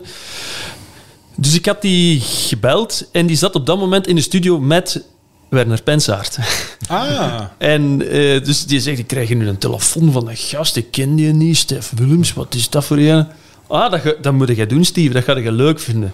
Dus ik had Steve beloofd van die een mail te sturen, ik stuurde hem wat demo's en zo, en die zegt, eh, die opeens belt hij en hij zegt, het is lang geleden dat ik nog eens een, een goed geschreven mail gekregen heb met leuke liedjes, kom een keer af naar mijn zolderke, en die heeft zo'n zolderke, waar dat eigenlijk iedereen uit de Belgische muziek zien af- geweest. af en toe wel eens langskomt om te klagen en te zagen. En eh, daar had ik mijn gitaar mee. En eh voilà, ik heb een paar nummers gespeeld. En hij zegt, dat is goed manneke. Ehm, ja, we gaan samenwerken. En ondertussen werken wij al negen jaar samen. En ze, Eh, ze belde je toch niet? ja, ja, ja, ja, dat is ook de mop die altijd daar verteld wordt. Dus die, heeft, die woont in een huis zonder bel. Dus iedereen die eraan komt zegt, ik moest kloppen, want de bel doet het niet. En het grappige is dus, eh, dat hij ook wel wat dingen doet voor Studio 100. Dus de baas van Studio 100, Gert Verhulst, de baas van Samsung, Ja, ja, ja, ja, ja. eh, die komt dus ook aan. die moet dus ook aan zeggen, ah, ik moest kloppen, want de bel deed het niet. Ah, zo. Ja, goed. Dan ben je dus inderdaad mee vertrokken. Heb je wel gelijk een, ja, een, een naam. Waarmee je dus inderdaad... En dankzij Steve heb ik ook ondertussen voor Wiltura een tekst kunnen schrijven. Dus allee, dat zorgt er wel voor dat je ja, iemand achter je hebt staan. Als je, als je eh, eender wie in de Belgische muziek, als je zegt, ja, ik heb, we werken met Steve Willard, die gaan niet zeggen, oei, was er, was er gelverproetsers. Ja, oké. Dus dat opent niet de poorten naar eh, eh, grote podia of zo, maar dat opent wel naar alle andere muzikanten van, oh, dat is niet ene keer, die werken er al acht jaar mee samen en we hebben laatst Serieus, hebben, ja. hebben we met hem ook een, een optreden gedaan met strijkers, met special guest en hij is dan ook meegekomen met, een met twee dames die hij ook produceert. Dus ja, dat zorgt er wel voor. Hij zet zich daar ook wel mee achter. Hij gelooft er ook mee in. En ja, we hebben nooit eh, heel vaak gaat dat als je naar een producer gaat, dan, dan gaat dat over financieel. Hè? Hoe gaan we dat betalen? Ja, ja. Ik heb met hem nooit een afspraak. Dat is gewoon, bel die, ik zeg, Steve, je moet die factuur nog sturen. Ah ja, ja. ja, en dat is gewoon prettig dat je weet dat je in alle vertrouwen met elkaar kunt werken. Ja, we hadden toen net eh, Raccoon natuurlijk. En dan vroeg ik van, goh, ehm, ben je ooit in muziek gegaan? Wilde je beroemd worden? Nou ja, de antwoord was meer van, nou, als ik er mijn, mijn geld maar meer kan verdienen. Hè? Ja. Volgens mij doen ze dat inmiddels heel erg goed. Ja. Eh, heb jij dezelfde droom? Ben je ook, ook op weg om daar naartoe te gaan? Of heb je zoiets van, die heb ik al losgelaten? Het is, het, geld verdienen is eigenlijk nooit mijn drijfveer geweest. Want ik, ben, ja, ik draai eigenlijk geld om geld. Ik zorg gewoon dat ik, dat ik heel veel mensen in de sector werk kan geven. Eh, maar ik heb altijd als ambitie gehad om, om een paar nummers te schrijven voor de eeuwigheid. Dat is eigenlijk mijn, mijn, ja. mijn drijfveer. Want ze hebben me in het verleden ook wel eens gebeld voor eh, wil je deelnemen aan The Voice. Hè? Die gaan altijd zo heel actief recruteren. Links en rechts zoeken ze mensen voor deel te nemen. En ik heb dat tot twee keer toe geweigerd. Ik zei, ik ga dat niet doen, want ik ben zeker niet de beste zanger, maar ik ben wel de beste zanger van mijn eigen liedjes. En ik zou graag hebben dat een van die liedjes ooit eh, ja, veel, gaat, veel gaat betekenen voor mensen. En er zijn een aantal van onze nummers, eh, zoals bijvoorbeeld Sterren zien, hè, dat is een van onze nummers, die wordt heel vaak door mensen op een trouwfeest eh, als openingsdans gebruikt. Tof. En we moesten... Laatst waren we bij Radio 2 in Vlaanderen voor promotie van Eenzame Reiziger. En opeens komt in de app een, een berichtje binnen van een mevrouw. En de presentatrice stuurde dat naar mij. En die vrouw zei... Oh, heel fijn dat jullie Freemouters hebben uitgenodigd. Dat was de openingsdans sterren zien van eh, mijn dochter samen met haar eh, vriendin. En ze hebben de, de tekst van het nummer in hun eh revers, zeggen jullie dat? Ja, ja. Nicole laten... laten naaien. Dus die hebben, ik wil met jou sterren zien, de grote beer en de kleine beer misschien. En ik was daar zo van aangedaan, want ja, dat is het grootste eer dat je kunt hebben, dat iemand jouw nummer gebruikt en dan nog zegt, eh, ik ga kostuum kopen en de titel moet dan nog in de, in de kol van, van uw kostuumsvest. Ik was daar zo van aangedaan, dat, dat deed me eigenlijk veel meer plezier dan dat we eh, die promo mochten gaan doen bij Radio 2. Omdat je weet dat je ergens op een belangrijk moment jouw nummer eh, zijn waarde gehad heeft. Als je een ziel kan raken, dan ben je. Ja, en het mooie is, en ehm, goed, de muziek spreekt voor zich. We gaan dadelijk sterren zien, even een stukje draaien. Want ik heb, ik heb hem staan in de live-uitvoering met Steve op, eh, op de toetsen en de strijkers erbij. Ja. Eh, de clips zijn ook altijd heel speciaal. Eh, het is niet een standaard clip. We hadden het natuurlijk met Maroon over het poppetje. Stef heeft ook altijd wel gezorgd dat zijn clips wel spraakmakend zijn. En ja goed, bij deze, bij sterren zien, is toevallig ook wel een hele mooie clip bijgemaakt. Ja, dus voor sterren zien ehm, hebben we eigenlijk allemaal mensen met een beperking, met syndroom van Down, die eh, meespelen in de clip. Dus we hebben een koppel, dat zijn eigenlijk echte acteurs, die heet Theater Stap, heet die een gezelschap. En die eh spelen dus een liefdesverhaal. En wij zijn dus, eh, samen met de zangeres ben ik dan de, de performer van het nummer. Maar dus eigenlijk een liefdesverhaal van mensen die, die elkaar graag gaan zien. En wij moesten dat jaar spelen op een festival voor mensen met een beperking. En er was dan ook een dansje bij. En allee, dat is eigenlijk zo'n beetje het officiële lijflied geworden van dat festival. En eh, ja, we hebben daar zo ontzettend veel reacties op gekregen op die clip van, van, ja, van heel die sector, maar ook van mensen die er gewoon door geraakt zijn, omdat het, eh, het is in slow motion gedraaid, dus het is helemaal niet cheap, het is helemaal geen uitlach eh, tv, Nee, nee. het is echt, echt bedoeld van, zie eens hoe mooi de liefde kan zijn als het heel oprecht is. En eh, da- daar krijgen we ook nog tot nu eh, ja, reacties op van mensen die, dat, die zeggen van, hoe, hoe, hoe komt het erbij? En vooral, eh, waar hebben die gasten gevonden om dat zo goed te acteren? Ja. Zullen we even luisteren naar, naar sterren zien eh, Ja. in de, in de live-uitvoering? De tv flikkert zacht ik zie de kleurenpracht in een film waar Ik had nooit verwacht Dat deze nacht me zo veranderen zou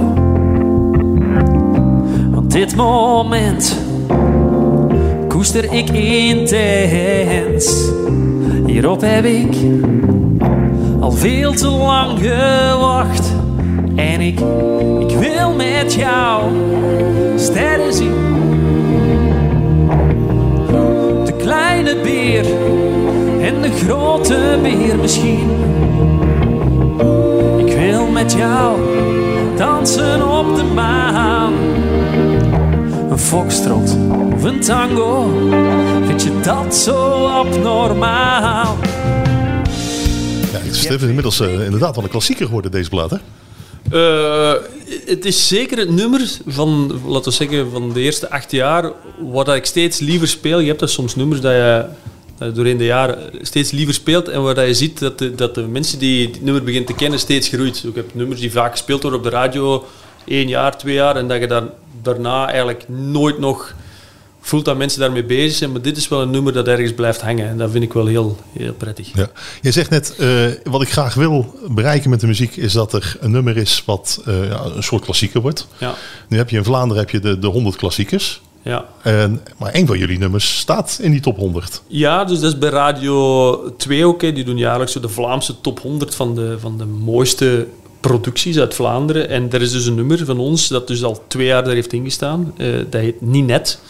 En dat ging over een... Uh, ik ben een jaar of acht geleden naar IJsland geweest op vakantie. En toen was ik uh, single. En uh, ik kwam daar een geweldig, geweldig schoon meisje tegen. Ik was helemaal verliefd. En Ik, dacht, ik dacht zij ook, maar uh, dat bleek dus niet waar te zijn. dus uh, en op het einde van de avond zei ik, zeg, juffrouw, ik wil u zo graag kussen. Die zegt, nee, dat gaan we echt niet doen. Maar we kunnen wel vrienden blijven. uh, ik, zeg, ik zeg, dat is ook al een goed begin. Ik zeg, maar ik ga u ooit nog eens iets opsturen. Ik zeg, waardoor dat je daar nog spijt van gaat krijgen. En dan had ik dus, dat was het begin van mijn reis, heb ik dus dat nummer geschreven. Ik heb mijn gitaar mee op reis. Um, en ik heb het naar haar gestuurd toen dat ze terug uh, thuis was. Want ze, was eigenlijk ze studeerde voor piloten. Ze kwam uit Denemarken. en dan kreeg ik opeens een mailtje. En dan zei ze: Ik moet me verontschuldigen van mijn mama dat ik, dat ik jou heb laten gaan. Dus ze, dacht, ze denkt niet dat er ooit nog iemand zal komen die zo lief voor mij zal zijn dat hem zo'n nummertje, dat hem zo'n song voor mij schrijft. Dus bij deze mijn excuus. Je wil het graag verhalen hebben bij muziek. Ja, ik denk, dus, dus, is inderdaad. Ja. Maar een andere vraag, want je schrijft Nederlands. Was dat een Engelstalig nummer of Nederlandstalig nummer? Wel, dit, dit is, een, um, dit is een heel goede vraag. Ik, ik ben begonnen daar in het Engels. Oké. Okay. En ik heb het thuis naar het Nederlands vertaald. Ik heb eigenlijk altijd Nederlands geschreven. Ja. Uh, maar omdat ik die conversatie met haar in het Engels had, ben ik in het Engels begonnen en dan ben ik thuis, heb ik eigenlijk helemaal alles omgeschreven in het Nederlands. Okay. Ja, even voor jou, D dit is het nummer.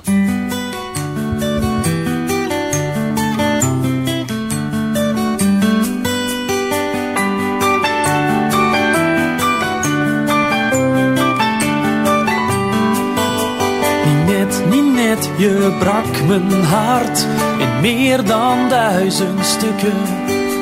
Je gaf me zelfs geen afscheidskus. Misschien was je toch gelukkig. Een rookgordijn voor de schone schijn. En ik hing in de mist. Maar zolang jouw blik de mijne kruist, heb ik me niet vergist. Ja, dan worden die woorden die hij net zingt lijken ineens een stuk duidelijker. Hè? Ja, dat lijkt me wel, ja. Dus dat, uh... Maar mooi dat hij in de, in de top 100 staat van die Vlaamse lijst. Ja, ja, ja. daar ben ik best wel trots op. Uh, ja. dat, dat, uh, dat hij dan toch zijn weg gevonden heeft ergens. Leuk. Ja, maar dan ben je eigenlijk altijd wel een klein beetje eigenwijs. Want jullie zoeken altijd natuurlijk weer nieuwe dingen op. live shows, ja, die zijn gewoon goed. Je geeft andere artiesten geef je de ruimte om mee op podium te staan. Maar zelf wil je natuurlijk ook constant toch weer wel een klein beetje vernieuwen.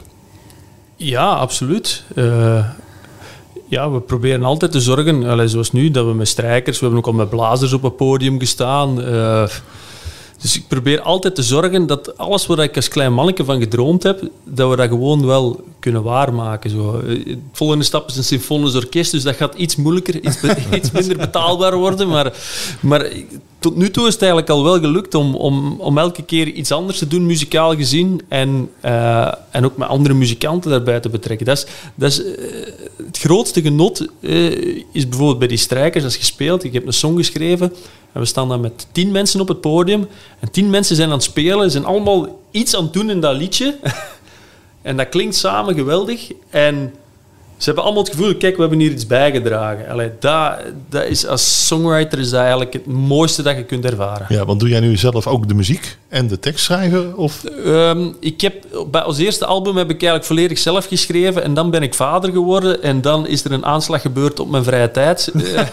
en dan is er nog een tweede kleine bijgekomen. En sindsdien schrijf ik altijd ik heb eigenlijk twee vaste schrijfmakers met wie ik schrijf. En ik weet perfect, voor dat soort nummers kan ik bij die terecht en voor dat soort nummer kan ik bij iemand anders terecht.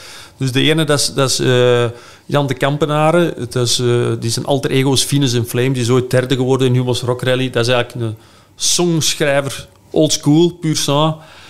Eh, en wij schrijven eigenlijk altijd de songs samen, tekst en muziek. Meestal tekst heb ik, heb ik wat meer inbrengen, hij dan misschien wat meer muziek. En dan de andere is Pieter Schrevens. Dat is, dat is een gast die uit Leuven komt en die een, ergens in een, zoals een vat vol toverdrank gevallen is van muzikaliteit.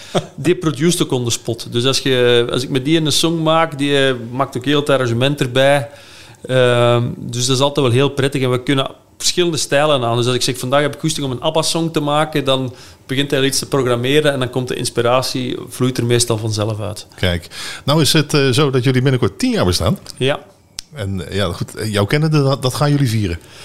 absoluut. absoluut. We gaan in het voorjaar een paar shows in het cultureel centra spelen, waar we de strijkers meepakken. En dan eh, hopen we van de zomer heel veel festivals te kunnen spelen. Ehm, dus eh, er staan er al een zes, zevental op nu. Eh, maar we, ik zou heel graag een keer echt wat van die grotere festivals. We hebben ondertussen al voor, allee, voor iedereen met wat naam het voorprogramma mogen spelen. Maar dat is dan altijd, ja, dan, dat het voorprogramma maar. Hè, of dat dan nu Clouseau is of Stam van Samang of, of Niels de Stadsbader. Maar het zou fijn zijn mochten we een keer echt op een festival in de, in de line-up zo...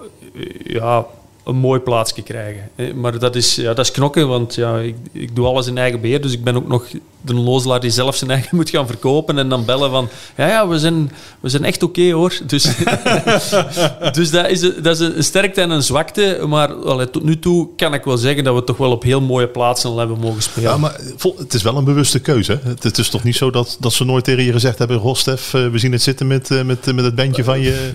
Bah, ik ben begonnen met een platencontract te weigeren. Dat is eigenlijk mijn eerste stap. Ik, ja, ik kon dat niet geloven. Ik had drie nummers geschreven en ik was via via... zat ik opeens bij een platenbaas en die zei... Ja, we gaan dat doen met jou. En dan spreken we over de Lotto Arena's en dit en 360 graden. En toen dacht ik, oh, oh, oh, oh. Ik heb nog nooit een opnamestudio van dichtbij gezien. Dat ga ik niet doen, want dan, dan ben ik volgend jaar gestopt. Dus dan ben ik wel zo eigenwijs om het op mijn eentje uit te zoeken. Eh, en dan zullen we wel zien of dat die Lotto Arena er ooit nog van komt. Maar dan eh, moet ik tenminste in mezelf niet afvragen van... heb ik nu verkeerde keuzes gemaakt? Die heb ik zeker gedaan, maar ik heb ze zelf gemaakt. Ik heb niet iemand anders die voor mij de verkeerde keuzes gemaakt heeft. Maar dan wil ik zeker komen kijken als je de Lotto Arena gaat doen. eh. Ah, maar je moet al veel eerder komen Ja, kijken, zeker. joh. Dus- Ja, is- ik probeer gewoon VIP-kaarten te regelen voor de Lotto Arena. Dat is mooi. Ja, maar eh, over jouw eigen wijsheid eh, gesproken, want eh, je schrijft alle nummers zelf, de muziek zelf. Maar eh, we hebben een primeur, Erik. Oh, pas eind september komt de nieuwe single officieel uit. Ja, En wij mogen hem vanavond al in ieder geval in deze podcast laten horen. ja. Maar het is ook weer een, een plaat met een verhaal. Want het is een cover. Het is voor de eerste keer in negen jaar gaan we een cover uitbrengen. Ja, Oh. dan- mag dat? Is- ja, ja, ja, zeker. Maar ben, waarom breng je een cover uit? En van wie? Ben ik trouwens ook benieuwd. Ja, ja misschien, ik weet niet. Moet, misschien moeten we hem eerst laten horen. Oh, en dan eens even kijken wat hij meer kent. eh. Ja. Dat is eh, nou, een nieuwe single van, eh van.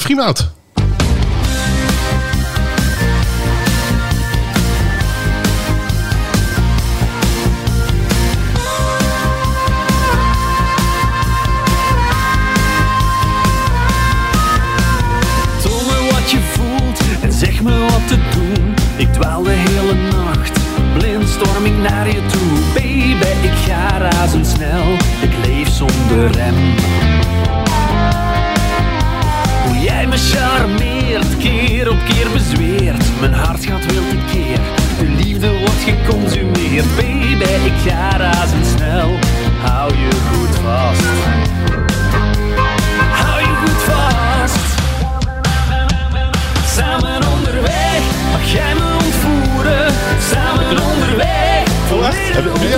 Wat, wat denk je dat is? Ik denk dat dit is uh, volgens mij een nummer van Roxette. Hè? Uh, Sleeping in my car. Sleeping in my car. Ja. Ja, Oh? Van de meest onderschatte liedjes van uh, volgens Jean-Paul dus inderdaad een van de ja, meest onderschatte. Maar dat is volgens mij ook een geweldig verhaal. Denk ik dat Per Gessle ooit verteld heeft. Dat was zo op het einde van de, van de plaat zat een plaat bijna klaar. En dan zegt de platenbaasje, maar je moet nog een, een hit schrijven. En dan gaat hij naar de studio. En dan heeft hij allemaal muzikanten gebeld die normaal gezien nooit voor Roxette spelen. En die hebben dat, dat nummer ingespeeld, waardoor dat, dat een typisch ander geluid was dan wat je normaal gezien van Roxette verwacht, want dat is heel veel geproduced, heel veel geprogrammeerd. En daarom klinkt die plaat zo graaf, omdat dat echt een rockband is die die single heeft ingespeeld. Jean-Paul? Nou ja, weet je, ik heb haar nog, eh, beide nog geïnterviewd toen eh, zij ook nog leefde. En eh, zij werden als, in, in Zweden als heel, zeer eigenwijs gezien. Dat een hele eigen stijl en zo. En eh, in tegenstelling tot eigenlijk hetzelfde wat ABBA ook had. Hè? Gewoon tegen de draad in gewoon hun dingen doen. En, en Per was wel een mannetje, hè, nog steeds trouwens, die precies wist wat hij wilde. En eh, ja, dat is een van de eh, typische Zweedse eigenschappen om heel doelgericht eh, dat succes na te streven. Hè, dat hebben zij altijd gedaan. Op een hele goede manier. Maar goed, hoe heb jij toestemming gekregen? Ja, Ja, dat is ja, normaal gezien, als je een single moet uitbrengen, moet je toestemming hebben van de mensen die de single geschreven hebben. Ehm, het is zo, eh, Per Gessle eh, heeft zelf zijn eigen publishingkantoor. Jimmy Fun Music heet dat. Dus ik ben gaan googlen. Dus ik heb naar Zweden gebeld. Dan nam een vriendelijk vrouwtje nam de telefoon op. You are from Belgium? Ik zeg, yes, yes. I do my own uh, stuff. I have 18 songs on national radio. Okay, that sounds good. Uh, you can send me an email, uh, but uh, you have to pass through Universal Music Holland because the publishing, blah blah blah blah blah. But please send me first an email so that I got all your contacts. Ik zeg goed. Dus ik mail die vrouw. Ik ga officieel via eh, Universal Nederland. Dat duurt. En die zegt, je krijgt geen antwoord. Dat duurt, dat duurt, dat duurt, dat duurt. Zes maanden. Ik zeg, nu ben ik het beu. Ik bel terug naar dat vrouwtje in Zweden. Die zegt, ja, ik weet nog wie dat je bent. Eh, ik zeg, ja, ik krijg geen antwoord vanuit Holland. Ja, maar oh, ik heb niks ontvangen. Ik zeg, ik zal u de mail sturen van dat vrouwtje. Die zegt, ik breng dat in orde, Sander. En daar kreeg ik in mijn mailbox. Voor ons is het in orde. Eh, we hebben jouw demo, want je moet dan de demo meesturen. Je moet de vertaling van de tekst. Voor ons is het in orde, dus je mag de single officieel uitbrengen. Voilà. Gefeliciteerd. Ja, dus ik, het, het enige waar ik nu nog eh, moet in lukken, en dat is me nog tot nog toe niet gelukt, ik probeer nu per Gessle zelf vast te krijgen voor een reactie. Dus ik heb al in Zweden naar, naar Marie Dimberg, dat is het management, gemaild, gebeld, maar de telefoon wordt daar niet opgenomen. Dus dat is nog het enige stap dat ik moet regelen. Ik zou graag weten wat hij er zelf van vindt. Ik, ik zou dadelijk even Jean-Paul aanspreken. ja volgend jaar Nederland dus eh, voor een tournee dus. In de Carré staat hij. Waarschijnlijk ook in België. Dat zou goed kunnen. Dat Een hele vriendelijke, vriendelijke, verlegen jongen. Maar en het is een fa- fantastische songwriter. Want ik weet, Chris Wouters heeft me ooit gezegd, en dat is wel een gouden tip, dat hij gezegd van, van Per Gessle, wat moet je doen als je plaatje niet op de radio gespeeld wordt? Geen idee. Dan ga je naar huis en dan schrijf je een beter song. Dat is bij, bij, bij die mannen toch goed gelukt. eh. Ja, ja, voilà. Maar heel veel van die hits van Roxette was in het begin ook niet dat dat van de grond kwam. En dan opeens dan gaan die, weet ik wat, een klein toertje doen in Europa en dan krijgen ze opeens telefoon dat ze in Amerika opeens staan. Dus dat is... Soms duurt het even voordat het, ja, het nikkeltje valt. Pakt, ja, ja. ja, maar Ja, ze hebben een beetje dezelfde werkwijze als de Eurythmics destijds. Hè? Als Dave Stewart en Annie Lennox. Heel klein begonnen met heel weinig budget. Ja. En in één keer een enorme hitsco- hit, eh, hitscore. Ja, ik, ik blijf dat... allee, ook hoe dat, dat blijft klinken na al die jaren. Dus Ja. de- sommige van die songs zijn, zijn bijna 30 jaar oud. Eh, en toch, als je dat nu opzet... eh, Allee, je hebt dat bij veel van de producties uit de jaren 90 of eind jaren 80. Als je dat nu opzet, dat klinkt nog altijd fantastisch. Terwijl ik denk dat heel wat van de hits van nu, als je dat binnen 20 jaar gaat opzetten, dan zeg je dat zo plat gecompressed, dat, dat trekt op niks of dat, dat blijft niks van overeind van melodie. Dus dat vind ik wel... Dat is exact de reden waarom dat we dus, eh, om terug te komen op de essentie, Sleeping in My Car gecoverd hebben. En we wouden er wel iets anders mee doen. Dus daarom hebben we Steven de Bruin, een van de beste mondharmonica-spelers van België, gevraagd om, eh, om mondharmonica erop te spelen. Kijk, we gaan hem in ieder geval sowieso draaien op, op Sounds Radio. Dus dat, eh, daar komt hij. je- Dank u wel. Kan Erik hem ook lekker luisteren. Ja, Dus leuk. eh, En die andere moet je erop laten staan. Ja, die andere die is natuurlijk, dat blijft erop nummer. Ehm, Mijn, mijn, do- mijn jongste dochter zingt dat, die houdt heel erg van teksten. Die zingt dat liedje mee. Serieus? Acht jaar, ja, ja, ja, ja, ja. Echt heel grappig. ja, nu, nu heb je dit bereikt. Eh, wat- Wat zijn de verdere doelen? Heb je nog dingen waar je zegt van joh, we gaan, we gaan dat ook nog eens een keer proberen? Of Ja, allee, het begint pas. Hè. Nu, nu, als je tien jaar bezig bent, begint het pas leuk te worden. Je weet wat dat je kunt en wat dat, welke richting dat je uit moet. Dus we hebben laatst voor de eerste keer eh, eh, ik zal het zo zeggen, in de zomers, in de festivals, dan spelen we altijd zo eigen nummers, maar toch een paar covers. Omdat de organisatoren vragen dat toch van spelen ze iets van de Kreuners of iets van Clouseau of iets van... Hè, want dat vinden de mensen leuk. Maar je ziet eigenlijk op het einde van de show spelen we zeven, acht eigen nummers en iedereen doet mee. Dus ik vraag me eigenlijk af, waarom moet dat? En we hadden dus nu laatst een, show gespeeld in het theater. Alleen maar eigen werk, met die strijkers bij. En dat is bijna een, eh, een orgasme van vreugde dat je krijgt als je ziet dat de mensen laaiend enthousiast zijn met, met alleen maar je eigen werk. Dus dat, gaat, dat, dat is eigenlijk de weg die we gaan doen. Nog meer volgen vanuit mijn intuïtie en zeggen van kijk, we gaan gewoon de dingen doen dat ik denk dat we moeten doen. En, en soms is dat, is zal dat nog mis zijn. Maar Gewoon steeds, lekker eigenwijs. maar ja, we zijn niet eigenwijs in de zin van we, we, we vinden het warm water niet opnieuw uit. We gaan nooit, Nee. we gaan nooit hip worden en dat, is, dat, dat wil ik ook niet. Allee, ik bedoel, er zijn heel veel andere bands en artiesten die door platenfirma's naar boven geduwd worden die de flavor of the week zijn. Maar ik heb altijd gezegd, ik wil songs maken die ik over 30 jaar nog met trots kan spelen, want dan kun je een carrière uitbouwen. Eh, Je moet alleen zien dat je voldoende publiek hebt die tegen dan nog niet dood zijn. Dus je moet zorgen dat, je, dat je ook wel nieuwe mensen mee aantrekt. Eh, maar, eh, maar dat lukt voorlopig nog wel. Top. Stef, ik vond het leuk. Ik heb het idee dat we nog uren verder kunnen Ja, praten. Maar absoluut. goed, we hebben nog wat meer onderwerpen in de, in de Ja. podcast. En dan eh, geen enkel probleem. Ja, wat, wat ons betreft, die nieuwe single die gaan we sowieso lekker draaien op Sounds Radio. En we hopen eindelijk dat... eh, ja, we, de volgende keer gaan we wel kijken bij hem. Hè? Ja, gaan we doen. Vind ik leuk. Dus dat, eh, en je idee, de grote oversteek naar Nederland, gaat dat gebeuren?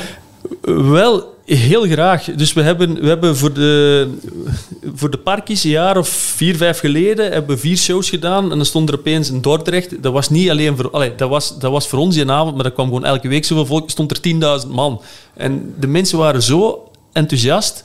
En we, we hebben ook eh, een een cafeetje in eh, Ettenleur, waar dat we altijd gaan try-outen. De café De Klomp. De klomp hebben we ook nog gespeeld. Ja, Ja, ja. ja zeker. Met een fantastische waard. En wij gaan daar al, we zijn er al tien jaar. Ik denk dat we al vier, vijf keer geweest zijn op zondagnamiddag. En de mensen kennen dat ondertussen. Als die onze naam ziet staan, dan komt er altijd een vast publiek. En die zeggen, ja, dat is die, dat is die gave Belgische band.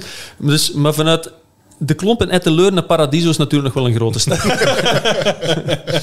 Het is maar, maar eh, anderhalf uur rijden, hoor. ja, ja, ja, dat scheelt alleen 1500 man of zo. Ja.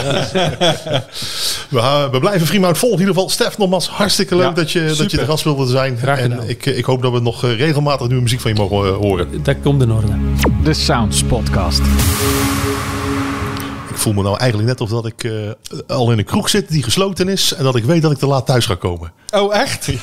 Het was zo gezellig vandaag dat ik denk van joh, weet je, ja goed, dan maakt die laatste tien minuten ook niks meer uit. Nee, dat is ook zo. Nee, ik vond het ook echt heel gezellig, eh, de, de, de podcast. Eh, leuke gasten, mooie verhalen. Dit was weer een... dit, dit, dit, dit staat bovenaan in mijn top 5. Ja, we hebben, ja, ja, we hebben er vijf. Dus dat We is hebben wel- vijf. is, eh, ja, we leggen de lat weer lekker hoog voor de volgende keer. Het gaat mooi worden. Zeg, ehm, ja, we hebben nog een paar dingetjes die we moeten bespreken. Uiteraard goed, eh, alle nieuwe muziek die we eigenlijk voorbij laten komen zijn ook weer, is ook weer te horen terug op, eh, op Sounds Radio. Daar hoor je gewoon 24 uur, 7 dagen per week de muziek die je in het magazine tegenkomt, in de podcast hoort en alles wat er verder bij hoort. Ja, dus dat is deze keer met het nieuwe magazine een flinke update. met alle artiesten die we daarin bespreken. Alle reviews die we daarin hebben gehad. eh, die zie je allemaal die artiesten voorbij komen. Ja, Dus ja, ja, die hoor je voorbij komen. ik zei het dus straks al eh, met, eh, met Jean-Paul, de nieuwe van Normaal zit erin. Uit, uiteraard de nieuwe van Raccoon. En eh, ja, de, ook de nieuwe single van Freemout, die pas over een paar weken uitkomt, die we nu al draaien. Dus dat is, eh, dat is wel heel erg Ja, leuk. hartstikke leuk. Ja. Maar eh, jij bent nogal van de quizjes. Volgens Ja, mij komt er klopt. nog Ja, een, eh, Ehm, quiz aan. ja, zeker weten. We hebben een nieuwe Sounds Like Quizem. Die is maandagavond 11 oktober. Om 8 uur begint die. Die wordt live gestreamd vanuit een uitverkocht mes in Breda. zeggen, volgens mij is het uitverkocht. Ja, hè? het is uitverkocht. In ieder geval waar de mensen fysiek aanwezig kunnen zijn. Maar online kun je gewoon meedoen. Ehm, kun je gewoon via onze site kun je, je inschrijven. Ehm, kun je met een team van vier man meedoen. Online met je mobiel, met je eh, eh, iPad of, of, of maakt niet uit. Eh, waar je ook zit. Je hoeft niet met z'n vieren samen gaan zitten. Je kunt ook apart zitten. Superleuk. Dus we hebben weer een, een hele mooie editie die daar, die daar De moderne technieken maken het mogelijk. Maken het mogelijk. En het zitten weer mega muzikale breinbrekers bij. Ja, ik, eh, ik ben niet zo goed in quizzen. Dus ik, ik kan niet zo, dus, maar goed, ik, ik, ik geloof... Ik, sommigen zijn stik fanatiek, dus dat vind ik alleen maar hartstikke Ja, leuk. nee, en we hebben echt super toffe reacties gehad de laatste keer eh, van, eh, van de quiz. Dus eh, ja, ik denk eh, als je van quizjes houdt en je houdt van muziek en eh, ja, weet je, doe lekker mee. Toffe dingen winnen. Kijk voor het laatste nieuws op sounds.nl. Daar vind je in ieder geval alle informatie. Eh, volgens mij hebben we ver alles gezegd, denk ik. Ik denk het wel. Ja, als je eh, voor 23 september luistert, eh, ehm, dan kun je misschien nog naar het Beest in Goes gaan. Twee uur doen we daar de coveronthulling met Raccoon van de nieuwe cover van het magazine. En luister je na de 23e, ja, ik zou zeggen, ga naar de winkel en haal de nieuwe sounds. Absoluut. Dank voor het luisteren. En ja, goed, we zijn snel weer terug met een, de volgende aflevering van de Sounds Podcast. Meer weten? Bezoek ook eens onze website sounds.nl of sounds.be. De Sounds Podcast. Iedere maand alles over de wereld van sounds.